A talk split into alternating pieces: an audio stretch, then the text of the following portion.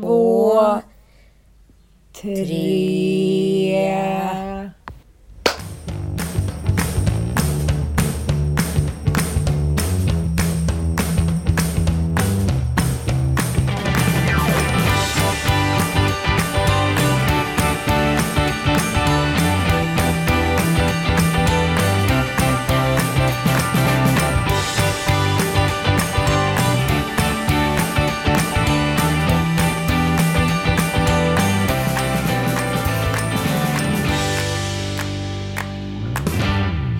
Hejsan och välkomna till Lille Lördag. If Charisto.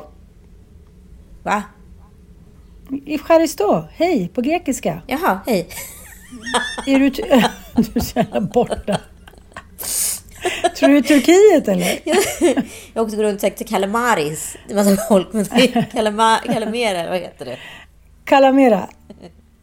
Vi tror... Dåligt, dåligt. Men jag tycker, jag tycker att jag, jag blir ofta liksom... Jag känner sån skamkudde över att... Men hur många gånger kan man ha varit i Grekland? Tio. Hur många gånger i Thailand? Tio. Kan typ två ord. Man Nej, bara, men- nej, men, vad, men vad, så här, vilken, vilken respekt du visar för, för det här landet. Att du säger det var för svårt för dig. Du var liksom, du hade 103 IQ, du var en svennebanan och du orkade bara lära dig ett ord. Nej, du kunde inte ens ett ord. Alltså, ja, man är bara, man är liksom bara en erövrare. Man kommer hit, man vill ha med sig sina egna och så vill man bara ha liksom Ja. landets liksom fond eller kuliss och sen så ah, skiter man i resten liksom. Det är lätt Är det bara, men är det bara så egentligen att vi bara låtsas att vi bryr oss om andra kulturer? Vi vill bara dit för någonting som vi vill åt där.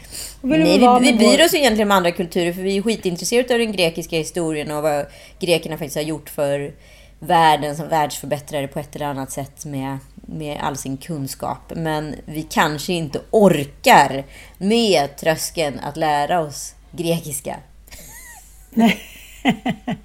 Vad fan vad dåligt. Nej, jag tänker på det där gamla eh, klassiska 70-talstestet som i och för sig har blivit lite kritiserat efteråt.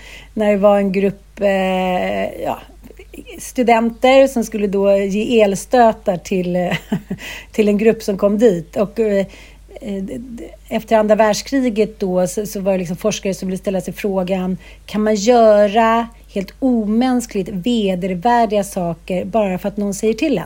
Alltså bara säga så här, skjut den där, eh, elstöta den där, misshandla den där. Och eh, enligt de forskningsresultaten så, så gav sig ju liksom nästan ingen i den här gruppen förrän de då på pappret skulle ha liksom dödat de i gruppen med sina elstötar. Sen fann, alltså det var ju bara hittepå. Det fann, de blev ju inte elstötar utan de spelade ju bara.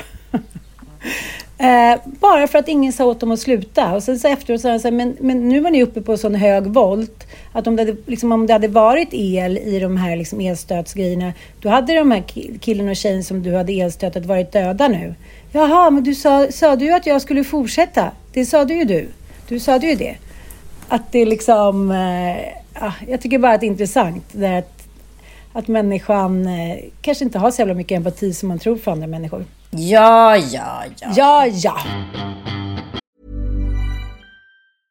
This is Paige, the co-host of Giggly Squad, and I want to tell you about a company that I've been loving, Olive and June. Olive and June gives you everything that you need for a salon quality manicure in one box. And if you break it down, it really comes out to $2 a manicure, which is absolutely insane. It's also so easy to get salon worthy nails at home with Olive and June. The difference between how your nails used to look when you did them yourself and now with the Manny system is a complete game changer. The best thing about Olive and June too is it's a quick dry. Dries in about one minute, lasts for five days, and full coverage in up to one to two coats. Visit oliveandjune.com slash perfectmanny20 for 20% off your first system. That's oliveandjune.com slash perfectmanny20 for 20% off your first system.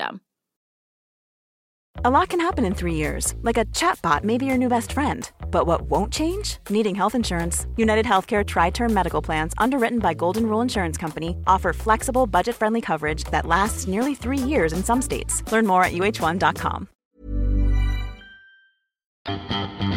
I övrigt har det varit en väldigt empatisk helg. Om vi bortser från dina elstötar och den utläggningen så har vi inte haft något sånt utav den varan här. Nej, nej, nej, nej, nej, nej. Det är bra. Du är alltså på Hydra, eh, din favoritö, där Ja. jag aldrig har varit. Det är också Ulf Lundells favoritö, ska jag säga dig.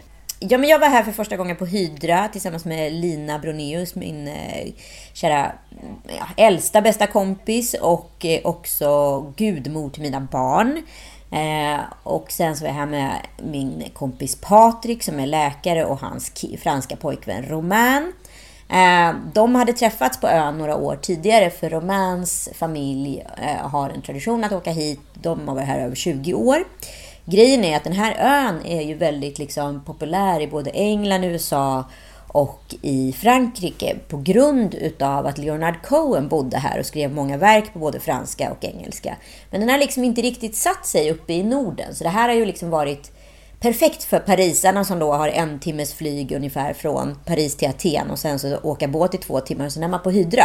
Det kan ju inte bli så mycket enklare, bättre och vackrare på något sätt. Och ön är ju unik på det sättet för att man har ingen biltrafik, det finns ingenting utan allting är precis som det var för flera hundra eller till och med tusen år sedan i princip. Så det är så spartanskt men så fruktansvärt lyxigt i sin enkelhet utan att ha en guldkran så nära ögat kan nå. Den är bara helt eh, unik. Jag kan inte förklara det. Och det är som att tiden här står still och jag känner mer och mer att resande handlar om att åka tillbaka till något ursprung snarare än att mm. åka in i en framtid. Ju mer vi är i framtiden, ju mer längtar vi tillbaka. Är inte det en liksom, mm. intressant metafor för vår tid och kultur?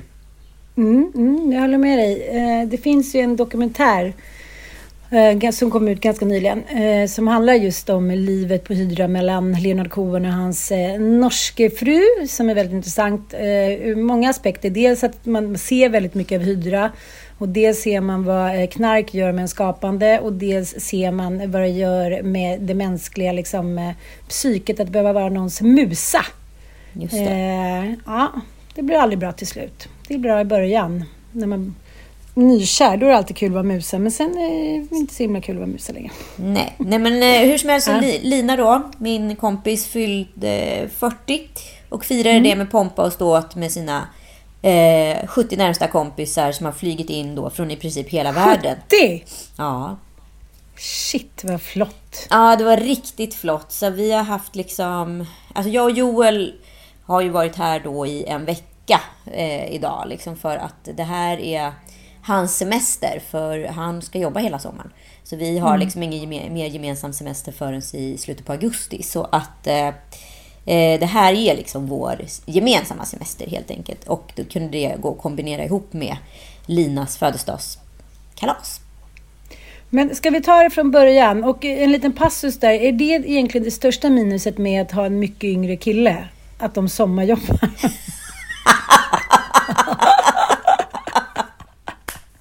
Nej men du vet, det är som att slungas tillbaka 25 år i tiden. Man bara, okej, okay, ska vi stå vid glassbaren på Öland nu? Nej men det känns ju liksom...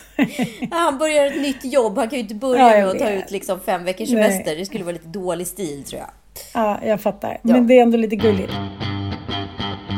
Vi vill ändå berätta, för det hände ju någonting eh, ganska dramatiskt precis när ni skulle åka iväg där, att Joels pass hann inte komma. Nej men det här är ju ändå, jag måste säga så här, det här är så intressant för det här är Sverige i ett nötskal på något sätt. Myndighets-Sverige. Ja men under coviden då så var det ju rätt många som inte gjorde, förnyade sina pass. För i vanliga fall så, så här, tuggar ju passen på. Det är en miljon nya pass per år som ska förnyas. Liksom. Mm. Eh, men under coviden så gjorde ju inte folk pass och så helt plötsligt upptäckte alla att oj, vi har inte gjort pass. Eh, men det här visste ju också passverk, eller myndigheten om. Så att de visste ju om att det skulle vara så att eventuellt kommer göras, behöva göras två miljoner nya pass. Det vill säga dubbel tryck och kapacitet på liksom, ja, de kanske 2000 anställda pass, eh, passpersonerna som jobbar där. Jag vet inte vad det heter. Och, men istället för att ta då och vara proaktiv och liksom ta höjd för det här så har man liksom bara suttit och inte gjort någonting och bara väntat på att så här Ja, så här kan det vara. På Arlanda exempelvis, sista minuten pass, finns det alltså 60 platser. De har öppet mellan klockan 8.30 och klockan 14.30 på dagen. Eh, där skulle man ju lätt, lätt kunna dubbla kapaciteten genom att ha öppet lite längre och kunna göra dubbelt så många pass.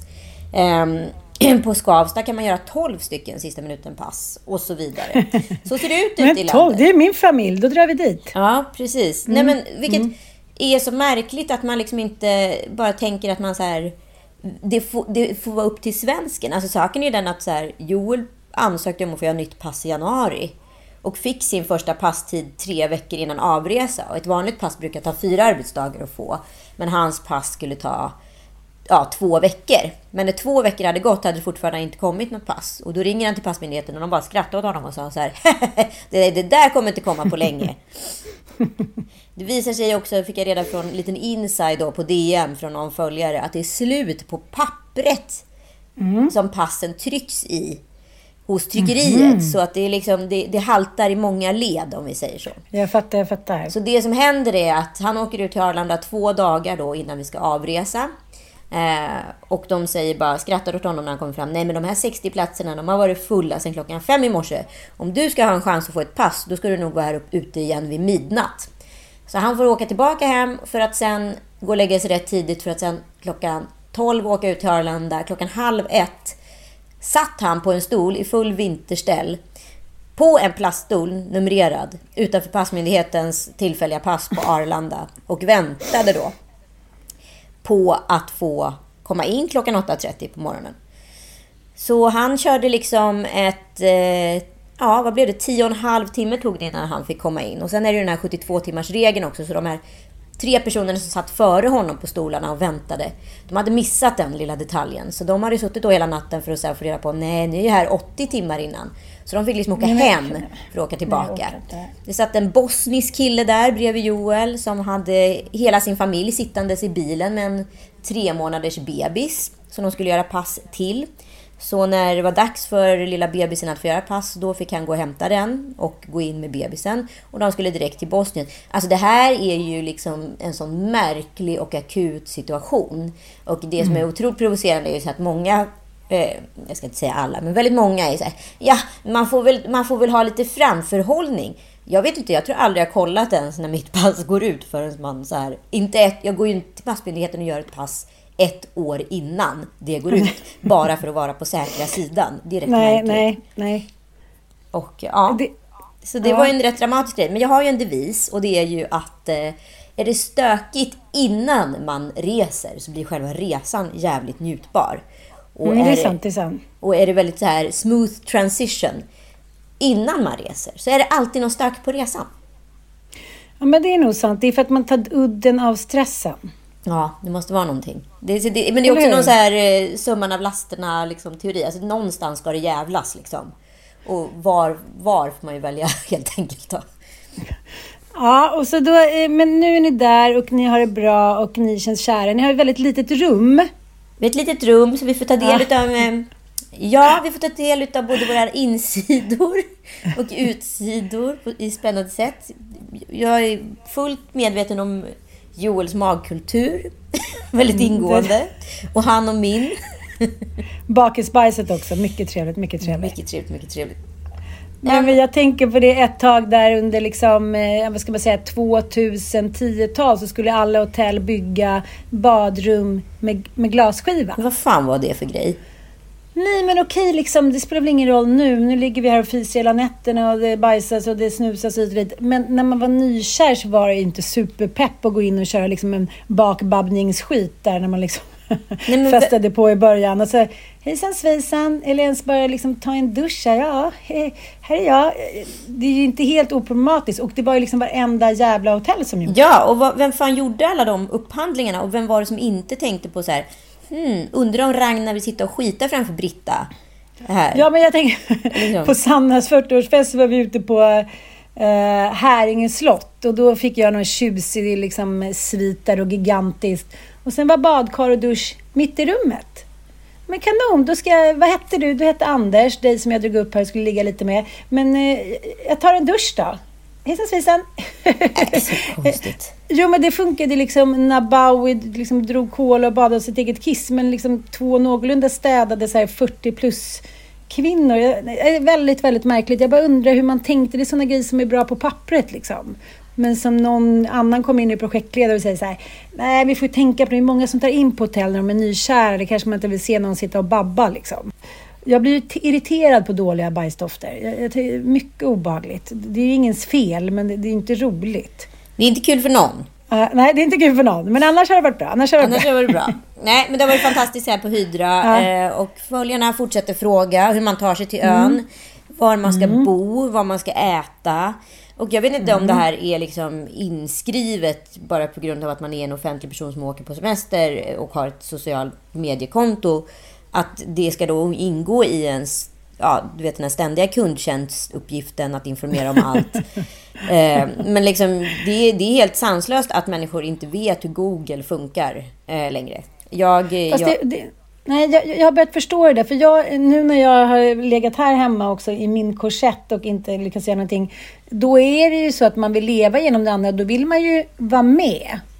Ja, för det måste nästan vara det. Va? För det är ju inte så att människor har blivit inkapabla, eller?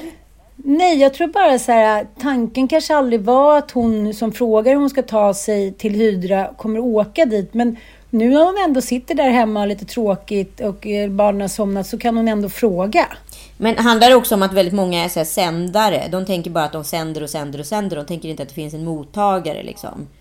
Men jag tror inte det, nej, men jag, det tror jag, alltså, ibland kan det ju vara så att de sänder och sänder och sen så kanske man svarar efter tionde DM. Och man säger, gud vad glad jag blir att du svarade. Då tänkte man säga, nej men det, det, hade inte spelat någon roll. Du ville bara sända.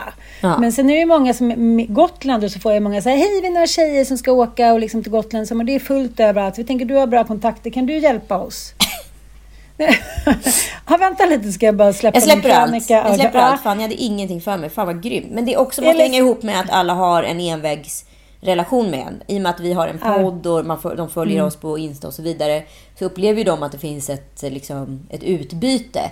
Fast mm. problemen mm. är ju bara att egentligen är ju det här utbytet en engångskommunikation. För att jag är ju inte en del av deras liv eller du. Men de upplever ju det för att de känner ju oss för att de lyssnar på podden eller följer oss och så vidare. Så det, det, det, är liksom, det är lite dubbelt alltihopa vad det är. Liksom. Jo, men jag tänker att man kanske ska se på det där med lite så här eh, försonande ögon. Jag tänker som svärmor, min svärmor, hon, hon gör ju inte mycket väsen av sig att hon liksom kollar på allt som jag eh, liksom, eh, men, lägger upp på Insta och stories. Men jag vet ju att hon gör det, för hon vet ju mer om mitt liv än vad jag gör.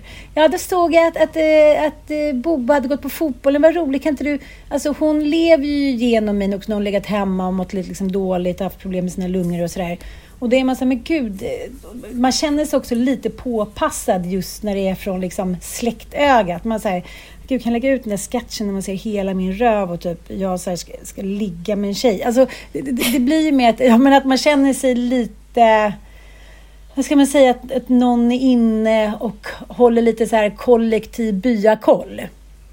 Ja, ja, men det, det blir också så här som att någon också på något sätt beskriver ens liv om en själv utifrån utan att man själv har ja. förstått att det är det man sänder. Och jag tänkte lite på det i den här situationen med serien Clark mm. eh, som just nu sänds eh, på Netflix tror jag det är. Ja. Där man... Jag vet inte, jag tycker greppet om det stämmer är kul. Jag har inte fått det här bekräftat.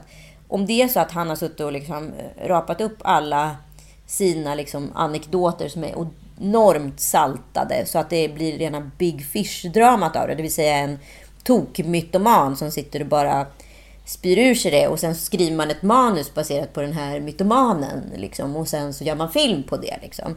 Eh, då blir det ju en rätt rolig och laddad historia. Sen är det ju en rätt knasig historia. Liksom. Och han var någon, vad ska jag kalla det för, rockstjärnerånare. Liksom, slash mm. eh, medhjälp till mord och allt vad det har varit. Liksom. Eh, som ändå kom undan på grund av sitt fagra utseende. Och Stockholmssyndromet är ju liksom baserat på som är världskänt, liksom, baserat på Clark, Olofsson och kumpaner under rånet på Norrmalmstorg. Liksom. Mm. Eh, men det jag inte förstår... Men, när... men det jag måste säga, så en liten passus, det är att han har inte varit med överhuvudtaget i produktionen. De har inte intervjuat honom, de har inte frågat honom vad som är sant och falskt. De har liksom gjort sin egen research och sen har de ja, skapat en jävligt underhållande, inom citationstecken, historia kring det. Så ja. Att, ja. Och jag, jag, kan ju så här, jag kan ju se på det här på två sätt. Jag kan ju tycka att så här, ur ett underhållningsperspektiv så är det ju roligt ur ett sånt grepp. Absolut. Sen är det ju massa så här tragedier och människoöden i det här som aldrig man, man får se spelas upp, liksom alla brottsoffer och så vidare. För de historierna berättar man ju aldrig, för de är ju tydligen ointressanta. Men, men däremot så är det ju märkligt att skriva en sån här berättelse om en person. Det är likadant med Pamela Anderson, vilket har varit en jättestor diskussion, att hon var jättearg på liksom, den här produktionen om hennes liv. Liksom. Det, tänk om någon skulle skriva en film om ditt liv och, eh, och liksom porträttera dig på ett sätt som du skulle känna var orättvist eller icke-realistiskt. Mm. Och du inte ens haft en chans att uttala dig. Är inte det lite liksom problematiskt? Men också kan jag säga någonting om vår egen tid. Att vi har förbrukat så många historier så vi måste nu använda människor eh, mm. och skriva om indicier ur ett rätt liksom, kort tidsperspektiv, eh, historiskt sett, liksom, för att få materia. Jo, men det blir in... rätt märkligt. Ja, men det blir skitmärkligt. Det blir så här i huvudet på John Malkovich, men fråga inte vad han tycker om vad som har pågått i hans huvud. Och jag, jag tänker att innan så har det ju varit att, liksom, att man har försökt få då, vad ska man säga, huvudpersonerna i film eller tv-serier. Man har försökt intervjua dem och de har sagt att de inte vill delta eller medverka. Då är det såklart att man får gå lite kanske ibland på indicier och koka soppa med en spik. Men i det här fallet så har de ju valt att göra Clark historielös. För att de ska ja. kunna uppfinna en ny historia. Och då känner jag så här, men it all makes sense. Fake news, Trump, alltså allting går i linje med så här, spelar roll. Vi hittar på lite och skapar lite som, eh, eh som vi vill. Så att det är så här, inom liksom loppet av 20 år så kommer ju narcissist inte längre vara ett skällsord utan det kommer ju vara någonting som vi, varenda människa skapas till för annars kan man ju inte medverka i den här världen, i alla fall inte i västvärlden. Liksom. Nej, Nej. Nej det är ju rätt, eh, det är rätt spännande hur, hur man bara kan så här, kidnappa någons liv på det sättet och mm. berätta om det här. Jag kan tycka att det finns liksom...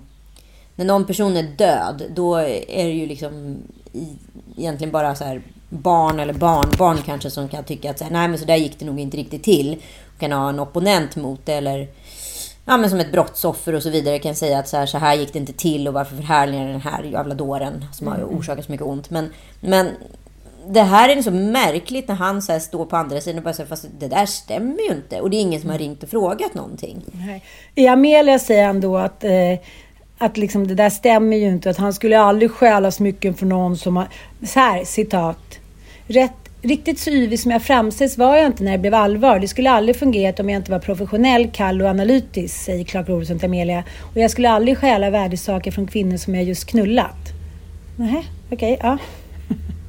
Det kanske inte var det som förstörde bilden av honom, att han eh, i, film, eh, i serien ja, stjäl ett smycke eller två. Men, men det som jag tycker är ganska intressant, för att jag låg och kollade på den här serien ganska motvilligt häromdagen, just för att jag känner så här, nej men gode gud, nu ska det liksom en, en en jävligt iskall, elak, utnyttjande narcissist framställas som en skön snubbe igen. Och det är ju samma sak i rättegången Heard Depp. Han är den sköna killen som sitter där och svamlar påtänd och liksom packad. Och nu kom det ju fram filmer här i förrgår, eh, eller igår, när han har varit så jävla våldsam, slagit sönder flaskor hitan och ditan. Så det är liksom helt, alltså bara för att någon har ett härligt utseende och är snabb i repliken och liksom får knulla med tjejer, då blir det sån otroligt liksom förmildrande omständighet. Jag kan känna så här, det rimmar ju rätt liksom illa med det som har pågått nu med, med tycker jag, Einar och liksom varandra alla mord som sker bland ungdomar och allting så här brottslighet förhärligas. Man bara, nej, men det är liksom 40-plussarna som, det är ni som förhärligar. Clark Olofsson som ändå har liksom varit med och mördat människor. Ja, men bjud in, bjud in dem då. Bjud in den familjen som har liksom fått sin pappa mördad och deras barn. Bjud in dem till premiären då. Eller liksom... Alltså förstår du? Vad är så här, det blir bara som en enda stor grisfest till slut. Ja, nej, men det är det jag kände när jag såg liksom det här rätt råa liksom, mordet på den här polisen. Man tänkte så direkt bara så här, där står hans anhöriga och tittar på och nu har de någon som har gjort liksom en, ja, men en, en buskis... Eh, thriller. Ja. Eller vad ska jag kalla ja, men jag det för? vet, men jag tycker själv att det var jävligt underhållande. Det måste jag ge dem. Men, ja, men, alltså, men... Här, vad, vad, vad, är det för någonting här, om ens liv? Jag skulle tycka att det var så fruktansvärt förminskande. Liksom. Alltså att man måste väl ändå, när man gör någons historia så måste man väl ändå göra den med värdighet. Och liksom, jag hade tyckt att det varit väldigt mycket roligare för man låtit liksom Clark sitta och bara dra alla sina rövarhistorier. och sen så porträtterar de precis som rövarhistorierna är berättade. Helt, vilket betyder att det skulle kunna vara alltså en väldigt fantasifull Big Fish-historia. Men när han ja, ja. själv inte har levererat det, då, då faller ju hela poängen på något sätt. Ja, jag håller med dig. Eh, så att, men, men då kanske man kan säga så här, okej okay, det är konstnärlig frihet, vi använder en person Liksom, om man nu inte orkar uppfinna hjulet på nytt hela tiden med så här 50 nya serier som kommer varje vecka, så fattar jag att det är jävligt tacksamt. Man tar en person som har levt ett väldigt, liksom, vad ska man säga, tacksamt liv för att skriva en historia om. Och sen kryddar ja. man lite, drar på hit och dit och framställer honom som en sköning. Ja, men hela serien är ju lite som en enda liksom, lång rockvideo. Men jag måste ändå... Jag tycker att det finns väldigt mycket avsaknad av kvinnligt kritiskt öga till det här. Jag tänker också på de här kvinnorna som, som blev kära i honom och liksom eh, försvarade honom och hjälpte honom under den här Norrmalms eh, liksom, rånet då som Kristin Enmark, hon tog som gisslan och sen blev hon liksom gravid med Clark Olofsson. Mm. Eh, det är ganska liksom, tragisk utgång av eh, ett brott tycker jag. Men, Absolut. Men, ja, men, men, det är också, det är så här, hela den där, liksom, alla de här kvinnorna som blivit utnyttjade och fått sina liv förstörda. Det blir också en bagatell i det här och det, det kanske inte hade behövt bli. Man kanske hade kunnat ta liksom rygg på några lite feministiska vinklar så hade det blivit en, en, Eller? Det är det jag menar. Alltså, om man nu berättar en historia som den var, då måste det ju mm. finnas en antagonist med som säger att det kanske inte bara var bra och kul. Och sen ska det ju då porträtterat att hans liv var destruktivt och, och att han liksom snurrade in sig i sig själv och det blev fel liksom från början och orsaker och verkan och så vidare. Men de här kvinnorna är ju bara liksom som olika olika milstolpar i hans berättelse och det blir lite känslokallt kanske jag kan tycka. Ja, och det framställer ju också så här, eh, kvinnor som så otroligt blåsta och lättlurade. Och det har ju alltid funnits kvinnor som har älskat liksom både mördare, eh, sadister, ligister, och allting. Och det som också förvånar mig är att liksom att det bara fortsätter ösa, ösa fram med kvinnor som då ändå vill rädda och ta hand om de här mördarna, våldtäktsmännen, eh, sadisterna. Liksom, eh, ja, men, eh, de här riktigt liksom, det är ju faktiskt helt ondsinta jävla bovar. Och ändå så vill de gifta sig med dem, ta hand om dem, älskar dem. De är beredda att gå så långt för att rädda någon. Och då tänker man så här, ja men så var det väl lite mer förr. Men, men jag tänker på eh, Tindersvindlaren, är inte det bara liksom en finare omskrivning för kvinnors oändliga längtan efter att bli lite sedda och få lite kärlek. För det är som du säger också i den här serien, att, att, han har ju inte ens kysst de här som har blivit svindlade på miljontals kronor. Det har räckt med att han har bjudit dem på en liten fika och bjudit över dem till Amsterdam så har de varit beredda att lägga liksom alla ägg i samma korg. Nej, men jag tänker också den här debatten som har pågått nu i Sverige senaste, veckan, eh, senaste veckorna om eh, moderskapet och kvinnor som går ut i media och berättar att de ångrar sitt moderskap och de tycker att de har rätt att berätta för andra kvinnor så att de då istället kanske ska köpa en katt, lite förenklat, istället för att bli morsor. Men, men till syvende Men det kanske stämmer, det kanske finns något i det, för Bianca Ingrosso gick ut här i, för några dagar sedan och sa att hon var så himla sugen på att adoptera ett barn eller en hund. Ja. och det blev ju rätt stor diskussion om det. Liksom. Och jag tror också så här att det som är problemet är att så fort en person blir väldigt rik så tillskrivs den en, en, en stor intelligens automatiskt utan mm, att man mm, mm. ifrågasätter var, varför. Det kan ju bara vara så att en person befinner sig på rätt plats vid rätt tillfälle och i rätt sammanhang och har rätt personer runt omkring sig så kan det också bli en succé. Liksom. Eh, men vi, jag tror absolut inte Bianca menar någonting ont överhuvudtaget. Nej, jag tycker, det makes, jag tycker det makes sense. Vet du det? Ja, men däremot så tror jag liksom att det finns någonting i det hon säger som är rätt intressant och det handlar om det här, vad ska jag kalla det för, hyper, eh, hyperkapitalismen, ägandet av mm, saker mm, och ting. Mm, mm, och att nu har till och med bebisar blivit omskriven till någon form av äganderätt. Mm, det kanske har förhärligats mödraskapet genom sociala mediers eh, vackra filter. Att det ser mysigt ut att ha den där lilla bebisen som alltid är glad och gullig på bild och jollrar och skrattar. Att det inte är liksom så himla svårt och ansträngande. Och därför kanske de här kvinnorna, nu, nu bara hittar jag på och spekulerar, att Mm. kanske tycker att så här, det, det här är ju falsk marknadsföring, jag har ju inte fått vad jag beställt. Mm, den glada gulliga bebisen som inte ligger och skriker fyra timmar per natt och jag är sinnessjuk. Precis, Eller? för det har ju blivit en generation av mycket yngre kvinnor som har skaffat barn efter många influencers har skaffat barn eh, i sociala medier. Det har ju kommit en helt ny mammageneration som är liksom 19 plus. Ja, men jag tycker, att, jag tycker ändå så här, jag fastnade för en grej. Anna Björklund har kommit ut med en bok som heter Kvinnomanualen. Och där beskriver hon då sin ångest över att vara ett objekt, sin ångest över att vara liksom en kvinna i det här moderna samhället med bantning, att man ska göra karriär, bla bla bla. Hennes räddning blir då att träffa den här kulturmannen som hon gifte sig med efter tre månader och i rask takt skaffa tre barn. Och nu kan hon äntligen slappna av. Han räddar henne, så att säga. Förstår du? Ja, Ja, och då skriver liksom Nina Björk då i, i DN så här, ja, men att det är något fel då eftersom hon eh, gifte sig efter tre månader, att det liksom inte kan vara äkta kärlek. Och då blir Björklund eh, skitförbannad och skriver fuck off på Twitter och bla bla bla bla. Eh, och jag tänkte på en grej när jag läste den boken, när- när hon skriver att hon har haft så otroligt svårt att sova, Anna Björklund. Hon har liksom alltid sovit med sina syrror, så flyttade hon hemifrån och hon kan inte sova. Hon sover så dåligt på nätterna för att hon sover själv. ah, okej. Förstår du? Och då tänker jag så här, det kanske inte, förlåt, nu, nu liksom verkligen förenklar jag. Men för kvinnor som kanske har varit med om någonting eller mår psykiskt dåligt, vilket otroligt många unga kvinnor gör idag, som känner att de vill känna sig behövda och sedda och inte känna de här kraven om att vara knullbara, ätbara, jobbbara, bla bla, festbara hela tiden. Så är det inte så jävla konstigt att så här, ja, det kanske inte är liksom är så stor skillnad, kanske med slumpen om det blir en hundjävel eller en ungjävel. Nej, just det, precis. Förstår du vad jag menar? För jag känner Bara lite... att det är någon där. Ja, för jag känner så här, om jag skulle separera, då skulle jag nog ganska snart ändå, även om det skulle vara en usel idé, skaffa mig en hund. För jag vet hur jag funkar. Jag känner mig så världsligt svart ensam när jag sover själv. Så då ska jag ett, då dra hem massa karar och det orkar jag inte, för gammal för. Två, då eh, ska jag liksom försöka få någon att så här, alltid bo här med mig. Det faller på sin egen rimlighet eftersom, ja, så kommer det inte bli. Det kommer bli varannan vecka-liv. Okej, vad ska jag göra då istället för att, må, för att inte må dåligt? Ja, då köper jag väl en hund då.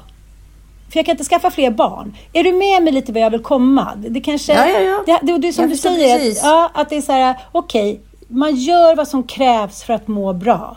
För man orkar inte Ja. gå omkring i den där svärtan. Ingen orkar det i längden. Då blir man tokig.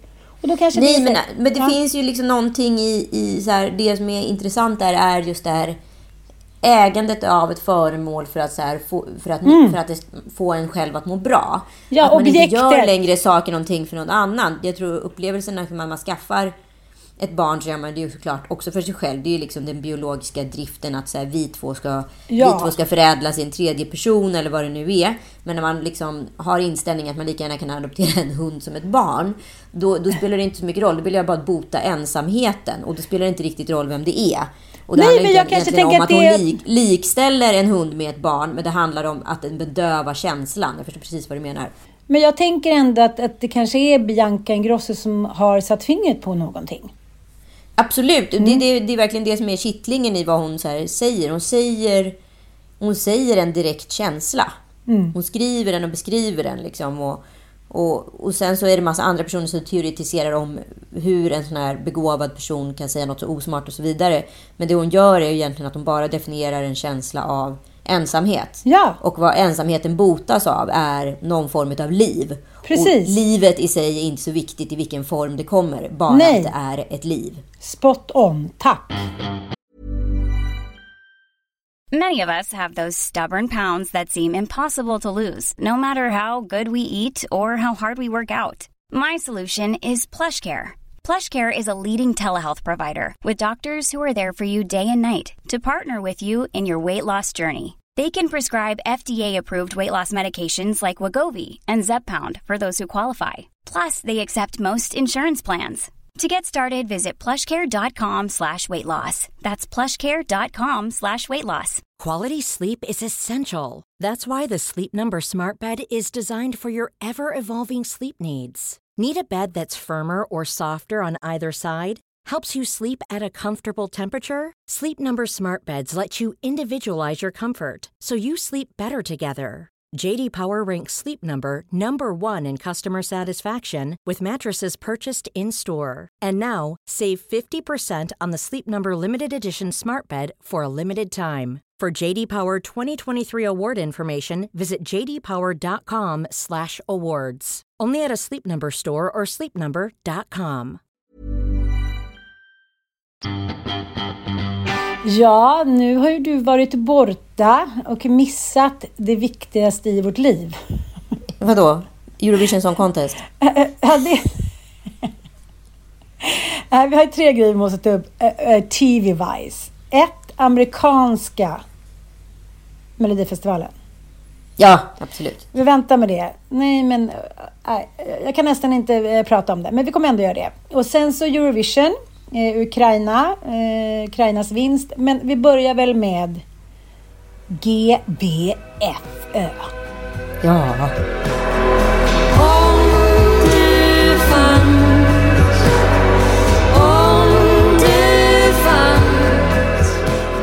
Då var det dags för Gift vid första ögonkastet. Ja, nu har ju Martha och Axel hoppat av. Äntligen! Eh, ja, Fast ändå äntligen. saknar hon lite. Ja, men det är klart. Jag saknar henne så här, när hon eh, sätter på sig sin eh, känslosköld. Och sen så inser att hon liksom eh, att hon framstår som för kall och helt plötsligt inom loppet av en tiondel sekund kan växla om till den fnittrande flickan. Eh, Hon är, hon är skicklig alltså. Ja, men det var också så här intressant när att se då i förra avsnittet när då Axel valde att dumpa henne. Att så här, det här, är- jag mår inte bra av det här, det här är inte bra för mig. Och hon inte längre har makten att manipulera honom. Och hon var så här, ja men nu inser jag i efterhand att jag kan, jag kan, att, hur lätt det är att döma någon och bla bla bla och tycka om någon annan. Och sen så, ja men nu hade jag hade ju varit beredd att fortsätta. Jaha, och sen Schweizan. Hon var så kär så nu helt plötsligt. Ja, inte kär, men hon var åtminstone liksom, hon var ju försmådd. Jo, jag fattar, för att nu var det inte hon som hade makten, men, men hon tyckte inte att det hade varit Och då var det svårt inget kul längre. Nej. Då blev hon liksom, liksom lite sårad för det. Mm, mm, jag fattar. Men, men det är väl så den to- toxiska kvinnan och mannen jobbar. Eh, att man först sänker någon ganska mycket och visar så här, you're not worthy. Och sen så när den andra ja, tänker så här, nej men då är jag väl inte det. Men så här kan inte jag leva. Då vänder de på en femöring. Och eh, börjar helt plötsligt eh, tycka jättemycket om den personen och ska göra allt för den på det där narcissistiska sättet. Eh, vilket jag tycker är jävligt obehagligt. Men, Ja, det, det är ju bara en klassisk narcissist vi har sett liksom, porträtteras här genom TVs ruta. Så Mm. om ni funderar på hur det kan vara så... så den, när ni har en relation som är sådär toxisk och en person som bara försöker sänka er och sänka er. Och när ni då bryter er loss så då får ni inte falla dit igen ifall den personen visar intresse. För det är så det funkar. Precis, för att det, det är bara ett spel. Det är bara en lek. Det är en erövringslek. Och ja, de- det är en katt som sitter och duttar och leker med en råtta fram till den ska avliva den. Liksom. Ja, och de ska också bestämma när den tar slut, när den börjar och eh, hur utvecklingen sker. ja. Mm, precis. Hur som helst, nu skulle de då hela ligan åka på parhelg. Det älskar vi. Alltså det här är ju historiskt den bästa typen av avsnitt man kan ha i, i Gift vid första ögonkastet. Det, det kan ju inte bli mer spännande när paren får möta paren. Nej, det är ju väldigt, eh, så måste jag säga, det är ju väldigt eh, sammansatta och stabila och eh, ja, men, här, analytiska par. Man märker att de har gått på liksom, att de har höjt åldern, vilket gör att man märker att, att de flesta av de här killarna och tjejerna har gått några timmar eller suttit några timmar i terapisoffan. Vissa har ju till och med suttit ner några terapisoffor tror jag. De är, de är ju så mogna och sansade så att jag nästan blir gråtfärdig. Eh, och jag, jag, jag känner någon hatkärlek för deras... Eh, Fast det blir också någon här form av så här, jag är bäst kraftmätning i Ja, det. ja. Att så här, jag är känslig och bejakande och medveten. Titta vad vi är utvecklade jämfört med er. Precis. Med de här utmaningarna. ja, Och ja, där är inte vi. Och då kan man känna sig lite bättre i speglingen utav andra. Liksom. Mm, Och det ger ju en extra boost till de här paren som ändå är sköra i sin, i sin liksom, ja, progress Det, det är ju den mest självgoda eh, säsongen. Ja, Det gud ja, det måste vi konstatera. De har höga tankar om sig själva. De har inte hittat någon vid 45 års ålder, men de har jävligt höga tankar om sig själva. Och det är väl också en, ett nytt fenomen. Och jag kan gilla det. Liksom. Jag kan gilla att man så här, inte faller till föga och tar liksom, första bästa bara för att man bara vill vara en del av genus liksom, partyt. Utan, utan nej, de är 45 och de de har klarat sig bra ändå. Liksom. Jag tycker det är ganska befriande. Men det som jag tycker är spännande nu är ju att det blir mer och mer eh, fokus och eh, eh, lampan riktas mot Martin och Jonas och deras olikheter. Men vi måste ju också säga, till Jonas försvar, eh, vi var rätt hårda mot honom i förra avsnittet, så är ju Martin en riktig jävla partyhare också. Ja, Och gud ja.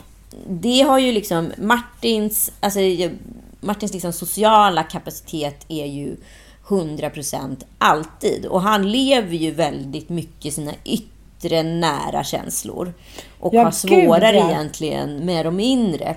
Ja, Han har Eh, inte varit där inne och rotat särskilt många gånger utan... utan Nej, nej men och han kanske, det är liksom, jag har ju, alltså det är inte så att sådana personer inte är reflekterande. Det är bara att de gärna reflekterar i grupp och de får en identitet i ett sammanhang och så vidare. Och de tycker det är tråkigt att sitta hemma med någon och älta. Det är inte den typen av person. Nej, men ska vi börja med att lyssna på när de sitter i bastun och Martin då vill eh, berätta för alla eh, att Jonas då är väldigt dålig på att säga vad han vill. Vad tycker du? Jag vet inte. Du får säga precis vad du vill, men inte jag vet inte. Alltså det får Jo, du inte jag, säga. jag får säga precis vad jag vill. Jo, det får du jag absolut, men inte Så där har säga- ingen eh, åsikt om Nej, vad jag vet. Fast du kan säga så här, men det- jag håller inte med dig Martin.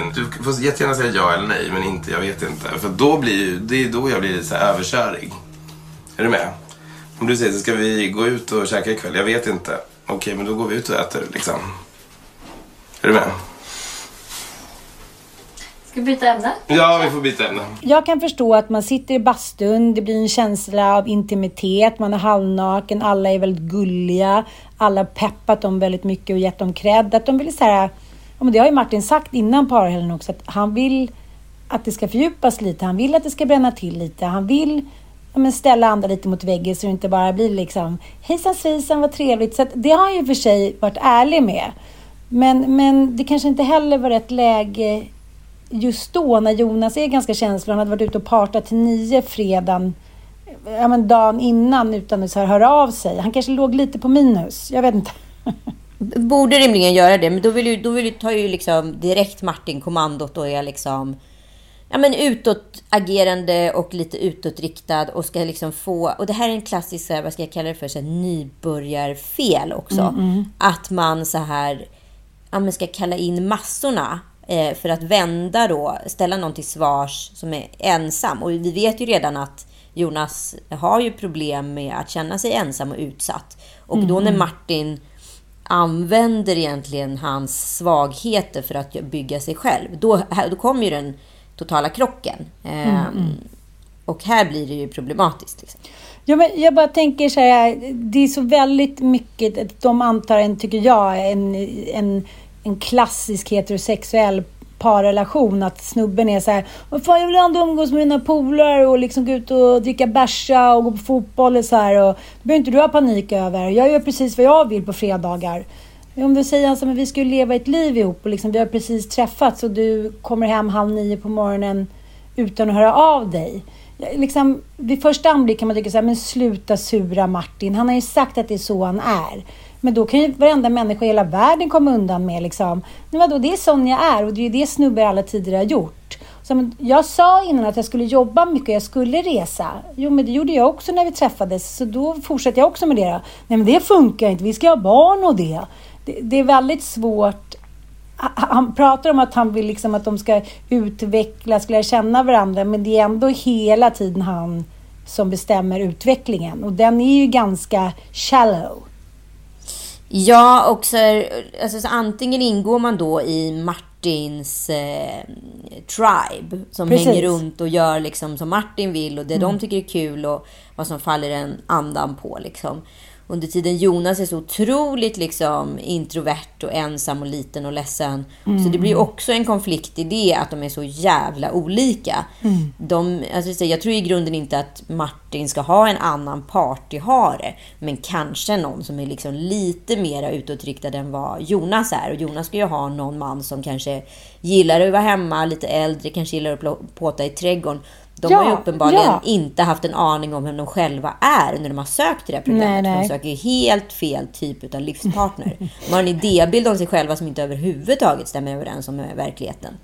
Men jag tycker så här, de har ändå gått in i det här och jag tror att eh, alltså, Jonas har verkligen tänkt så här, nu ska det bli något, nu ska jag hitta min livs kärlek. Och Martin har, känns som att han kanske mer har gått in i det här som en rolig grej, men kanske under intervjuerna tryckt på att han är ute efter mer vad han kanske är ute efter. Liksom.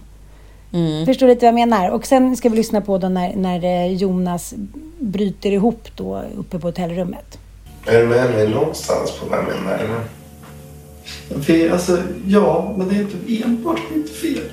Nej, Verkligen inte enbart. men jag har Jag aldrig, försöker, alltså, jag försöker verkligen så gott jag kan. men jag har aldrig sagt att det bara är ditt fel.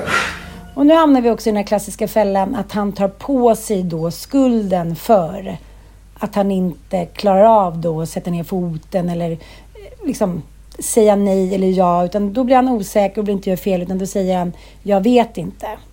Precis. Och det är ju hans stora problem, vilket också uppenbarar sig hos psykologen. Så fort han liksom inte ha, har, känner att han har eh, koll på läget och svamlar, då, då blir det jag vet inte. För han kan inte uttrycka sina känslor. Precis. Och han är rädd att säga fel och han är rädd att säga liksom bu och bä. Ja men som åtta av tio karlar i det här landet. Så det är inte så att han är, att han är liksom originell. Nej, nej, nej, nej. nej. Nej, nej. Men för de andra paren tycker jag ändå att det går förvånansvärt bra alltså. De Ja. utvecklas och de pratar och de hånglar och det, det finns liksom en eh, otrolig värme. Nästan som man är så här, jaha, ska det vara så där lätt? Varför är det så svårt för mig då? Ja, men jag tror det är det som också händer när man, när man, eh, när man vad heter det, är eh, i, i det där tillståndet. Att man så här, "Huh, våra problem som vi har stångats med, de blir så otroligt marginaliserade när vi ser hur svårt några andra har, vilka utmaningar de Men vi är ju faktiskt väldigt utvecklade som par. Så det kan ju vara en bra liksom, kraftmätning. Det vet du väl själv när du har varit borta och sovit någon helg med liksom, lite parkompisar på övernattat någonstans. Och så ser man då under när alkoholen kryper in alla pars olika utmaningar för relation. Man slappnar av lite och vill lite, få lite bekräftelse själv och i sin relation. Och känner man så här, allt det där som jag var så rädd för, äh, det var ju inte så farligt. Nej, jag Kolla på vet, de där jag vet. jävlarna. Vi, får- vi kämpar på ett par år till. Exakt. Ja, och sen så avslutningsvis då så måste jag då ta upp eh, Bodil. Eh, det tycker jag är gulligt. I slutet av avsnittet så säger hon att nu börjar jag närma mig det här. Att jag släpper in någon. Och då tänker jag så här, nu har jag börjat släppa in någon och då kommer den lämna mig. Ah. Ja, och jag- vet inte, jag känner väldigt mycket sympati för henne för att hon har ju den klassiska duktiga flickan-auran. Men samtidigt så, så har hon en sårbarhet. Eh, när man kanske är plus 40, de vet båda att det är sista chansen kanske att skaffa barn på i alla fall ett naturligt sätt. Eh, ja, men båda har blivit sårade flera gånger och de liksom verkar verkligen gilla att vara varandras sällskap. Så går man in... Alltså, It's Man a lot on stake. verkligen en lot of stake. Och jag tycker att eh, det är väldigt fint. Vet, man ser ju på henne att hon har väldigt svårt att vara sårbar, men jag tycker att det är väldigt fint att hon är det. Och att det jag tycker det ska, nu känner jag att det ska bli väldigt spännande att följa det där, tycker jag. Mm. Jag vill också veta vilka som har legat. Men det fattar du vilka som är legat. Jonas Louise har ju pippat som fan. Ja, ja, men det fattar man väl också. Men det är så här... Men jag tror ju att Hans och Bodil kanske har legat nu. Du tror det? Ja, eller åtminstone ja, djuphånglat. Kan vi säga så? Ja, ja. Nytt ord. Nytt ord i ordlistan. Nej, men jag bara tänker att det är annorlunda take när man går ut på krogen och går hem på någon när man har liksom svingat en bägare eller två. Men jag undrar om vi skulle sätta oss själva, om du och jag skulle vara Bodil.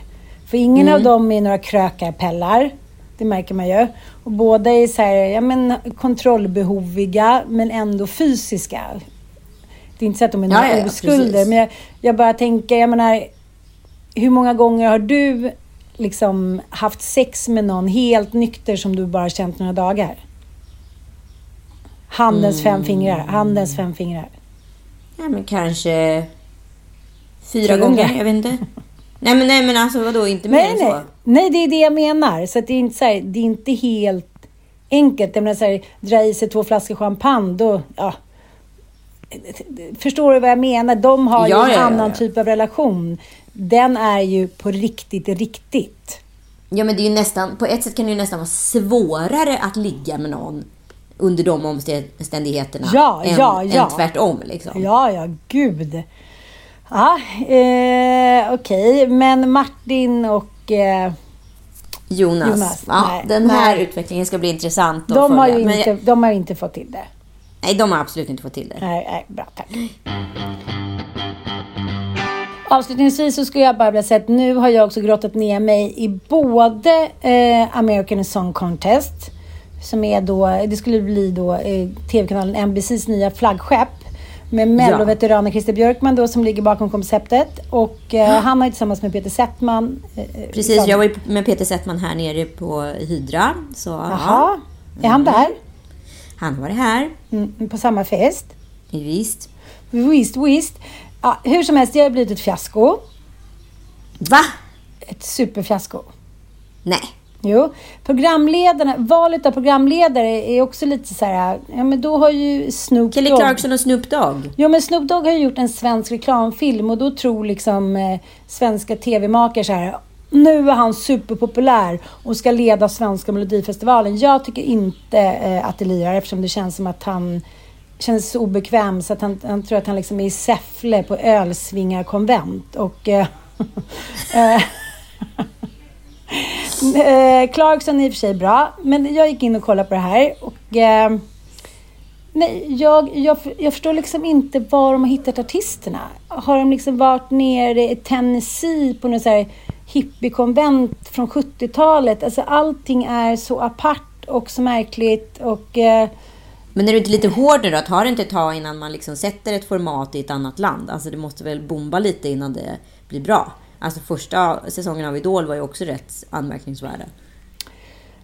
Du kan väl titta på det eh, så kan vi prata om det eh, nästa gång då. Men, eh, Ja, men bland, bland annat så var, var ju Michael Bolton med och så tänkte jag så här, men nu måste någon ta ut den där halvdöda mannen som, eh, eh, som snart ska liksom, som borde sitta fastkedjad på pensionärshemmet med liksom dräggelkopp. Han, alltså, han, han rör inte en min, han rör inte en kroppsdel. Alltså det är så platt så att jag... Sen är det finalen, då, då står det mellan Alexa med stort X, Alexa från Oklahoma.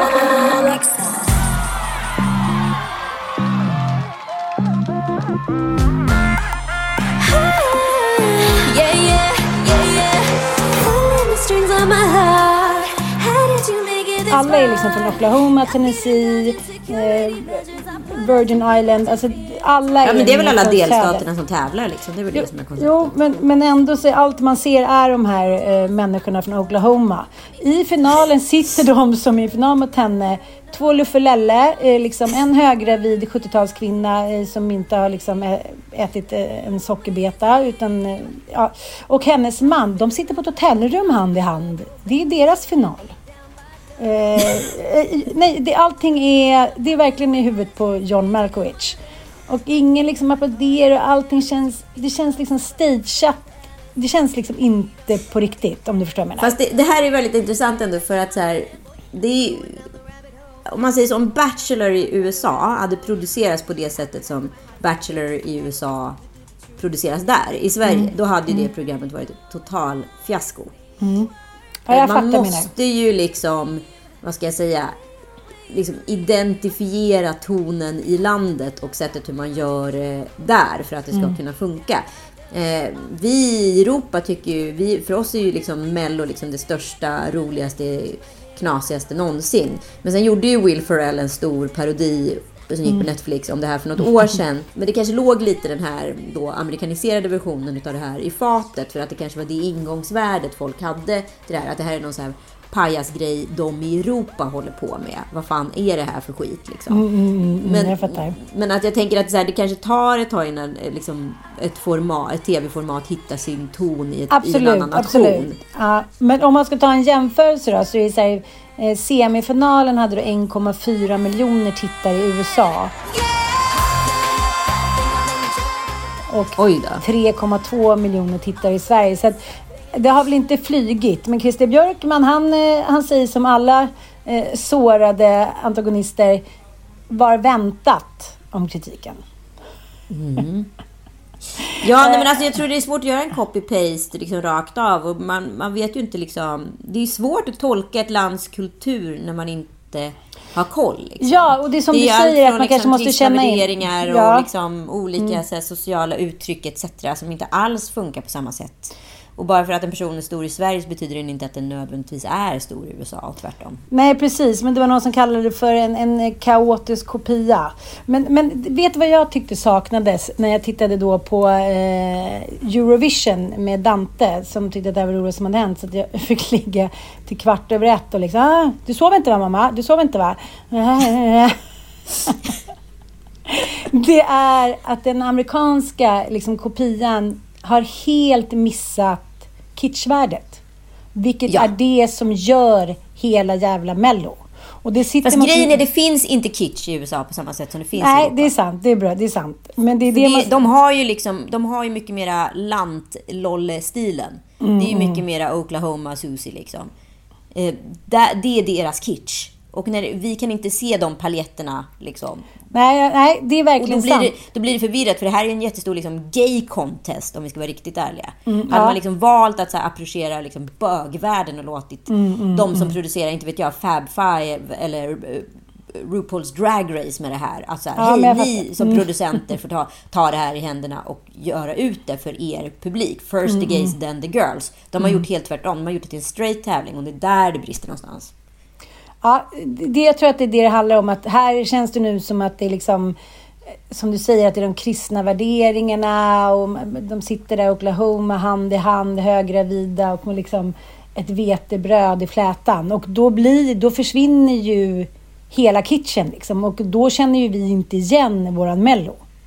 Nej, precis. Nej. Så att, så här, Jag tror det, det tror liksom är så många kulturbristningar här så att så här, det är svårt att liksom utröna vad som är vad. Man hade nästan behövt liksom gjort en interpretation utav hela vad är det här om vi skulle skriva det på amerikanska.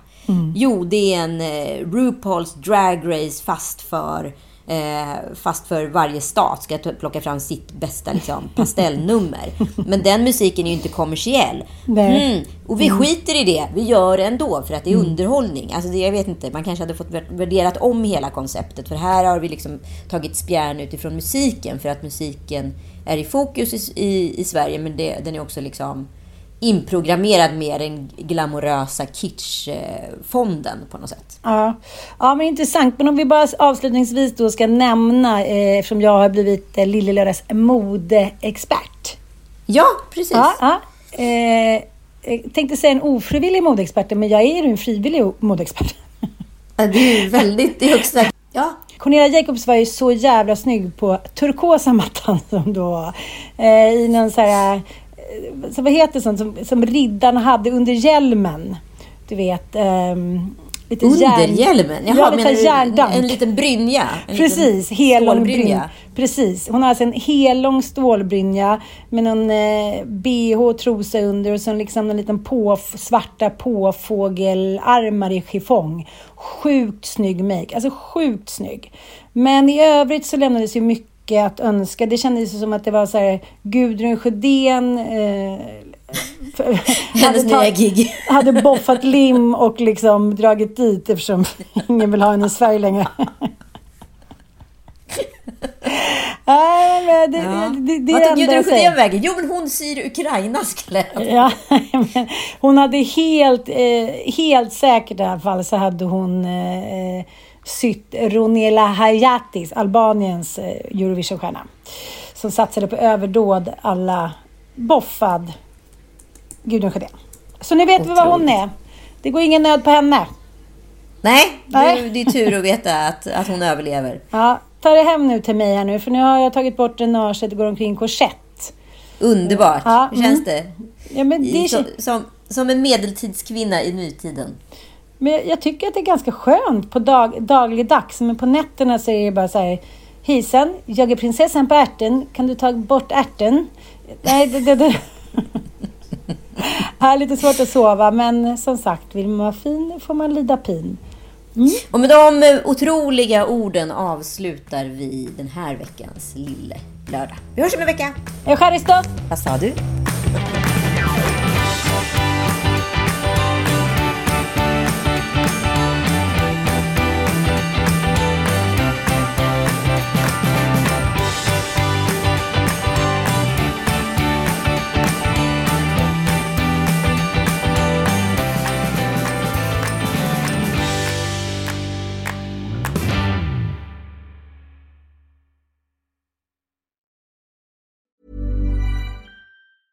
Hey, it's Paige DeSorbo from Giggly Squad. High quality fashion without the price tag. Say hello to Quince. I'm snagging high-end essentials like cozy cashmere sweaters, sleek leather jackets, fine jewelry, and so much more. With Quince being 50 to 80% less than similar brands. And they partner with factories that prioritize safe, ethical, and responsible manufacturing. I love that. Luxury quality within reach. Go to quince.com slash style to get free shipping and 365 day returns on your next order. Quince.com slash style.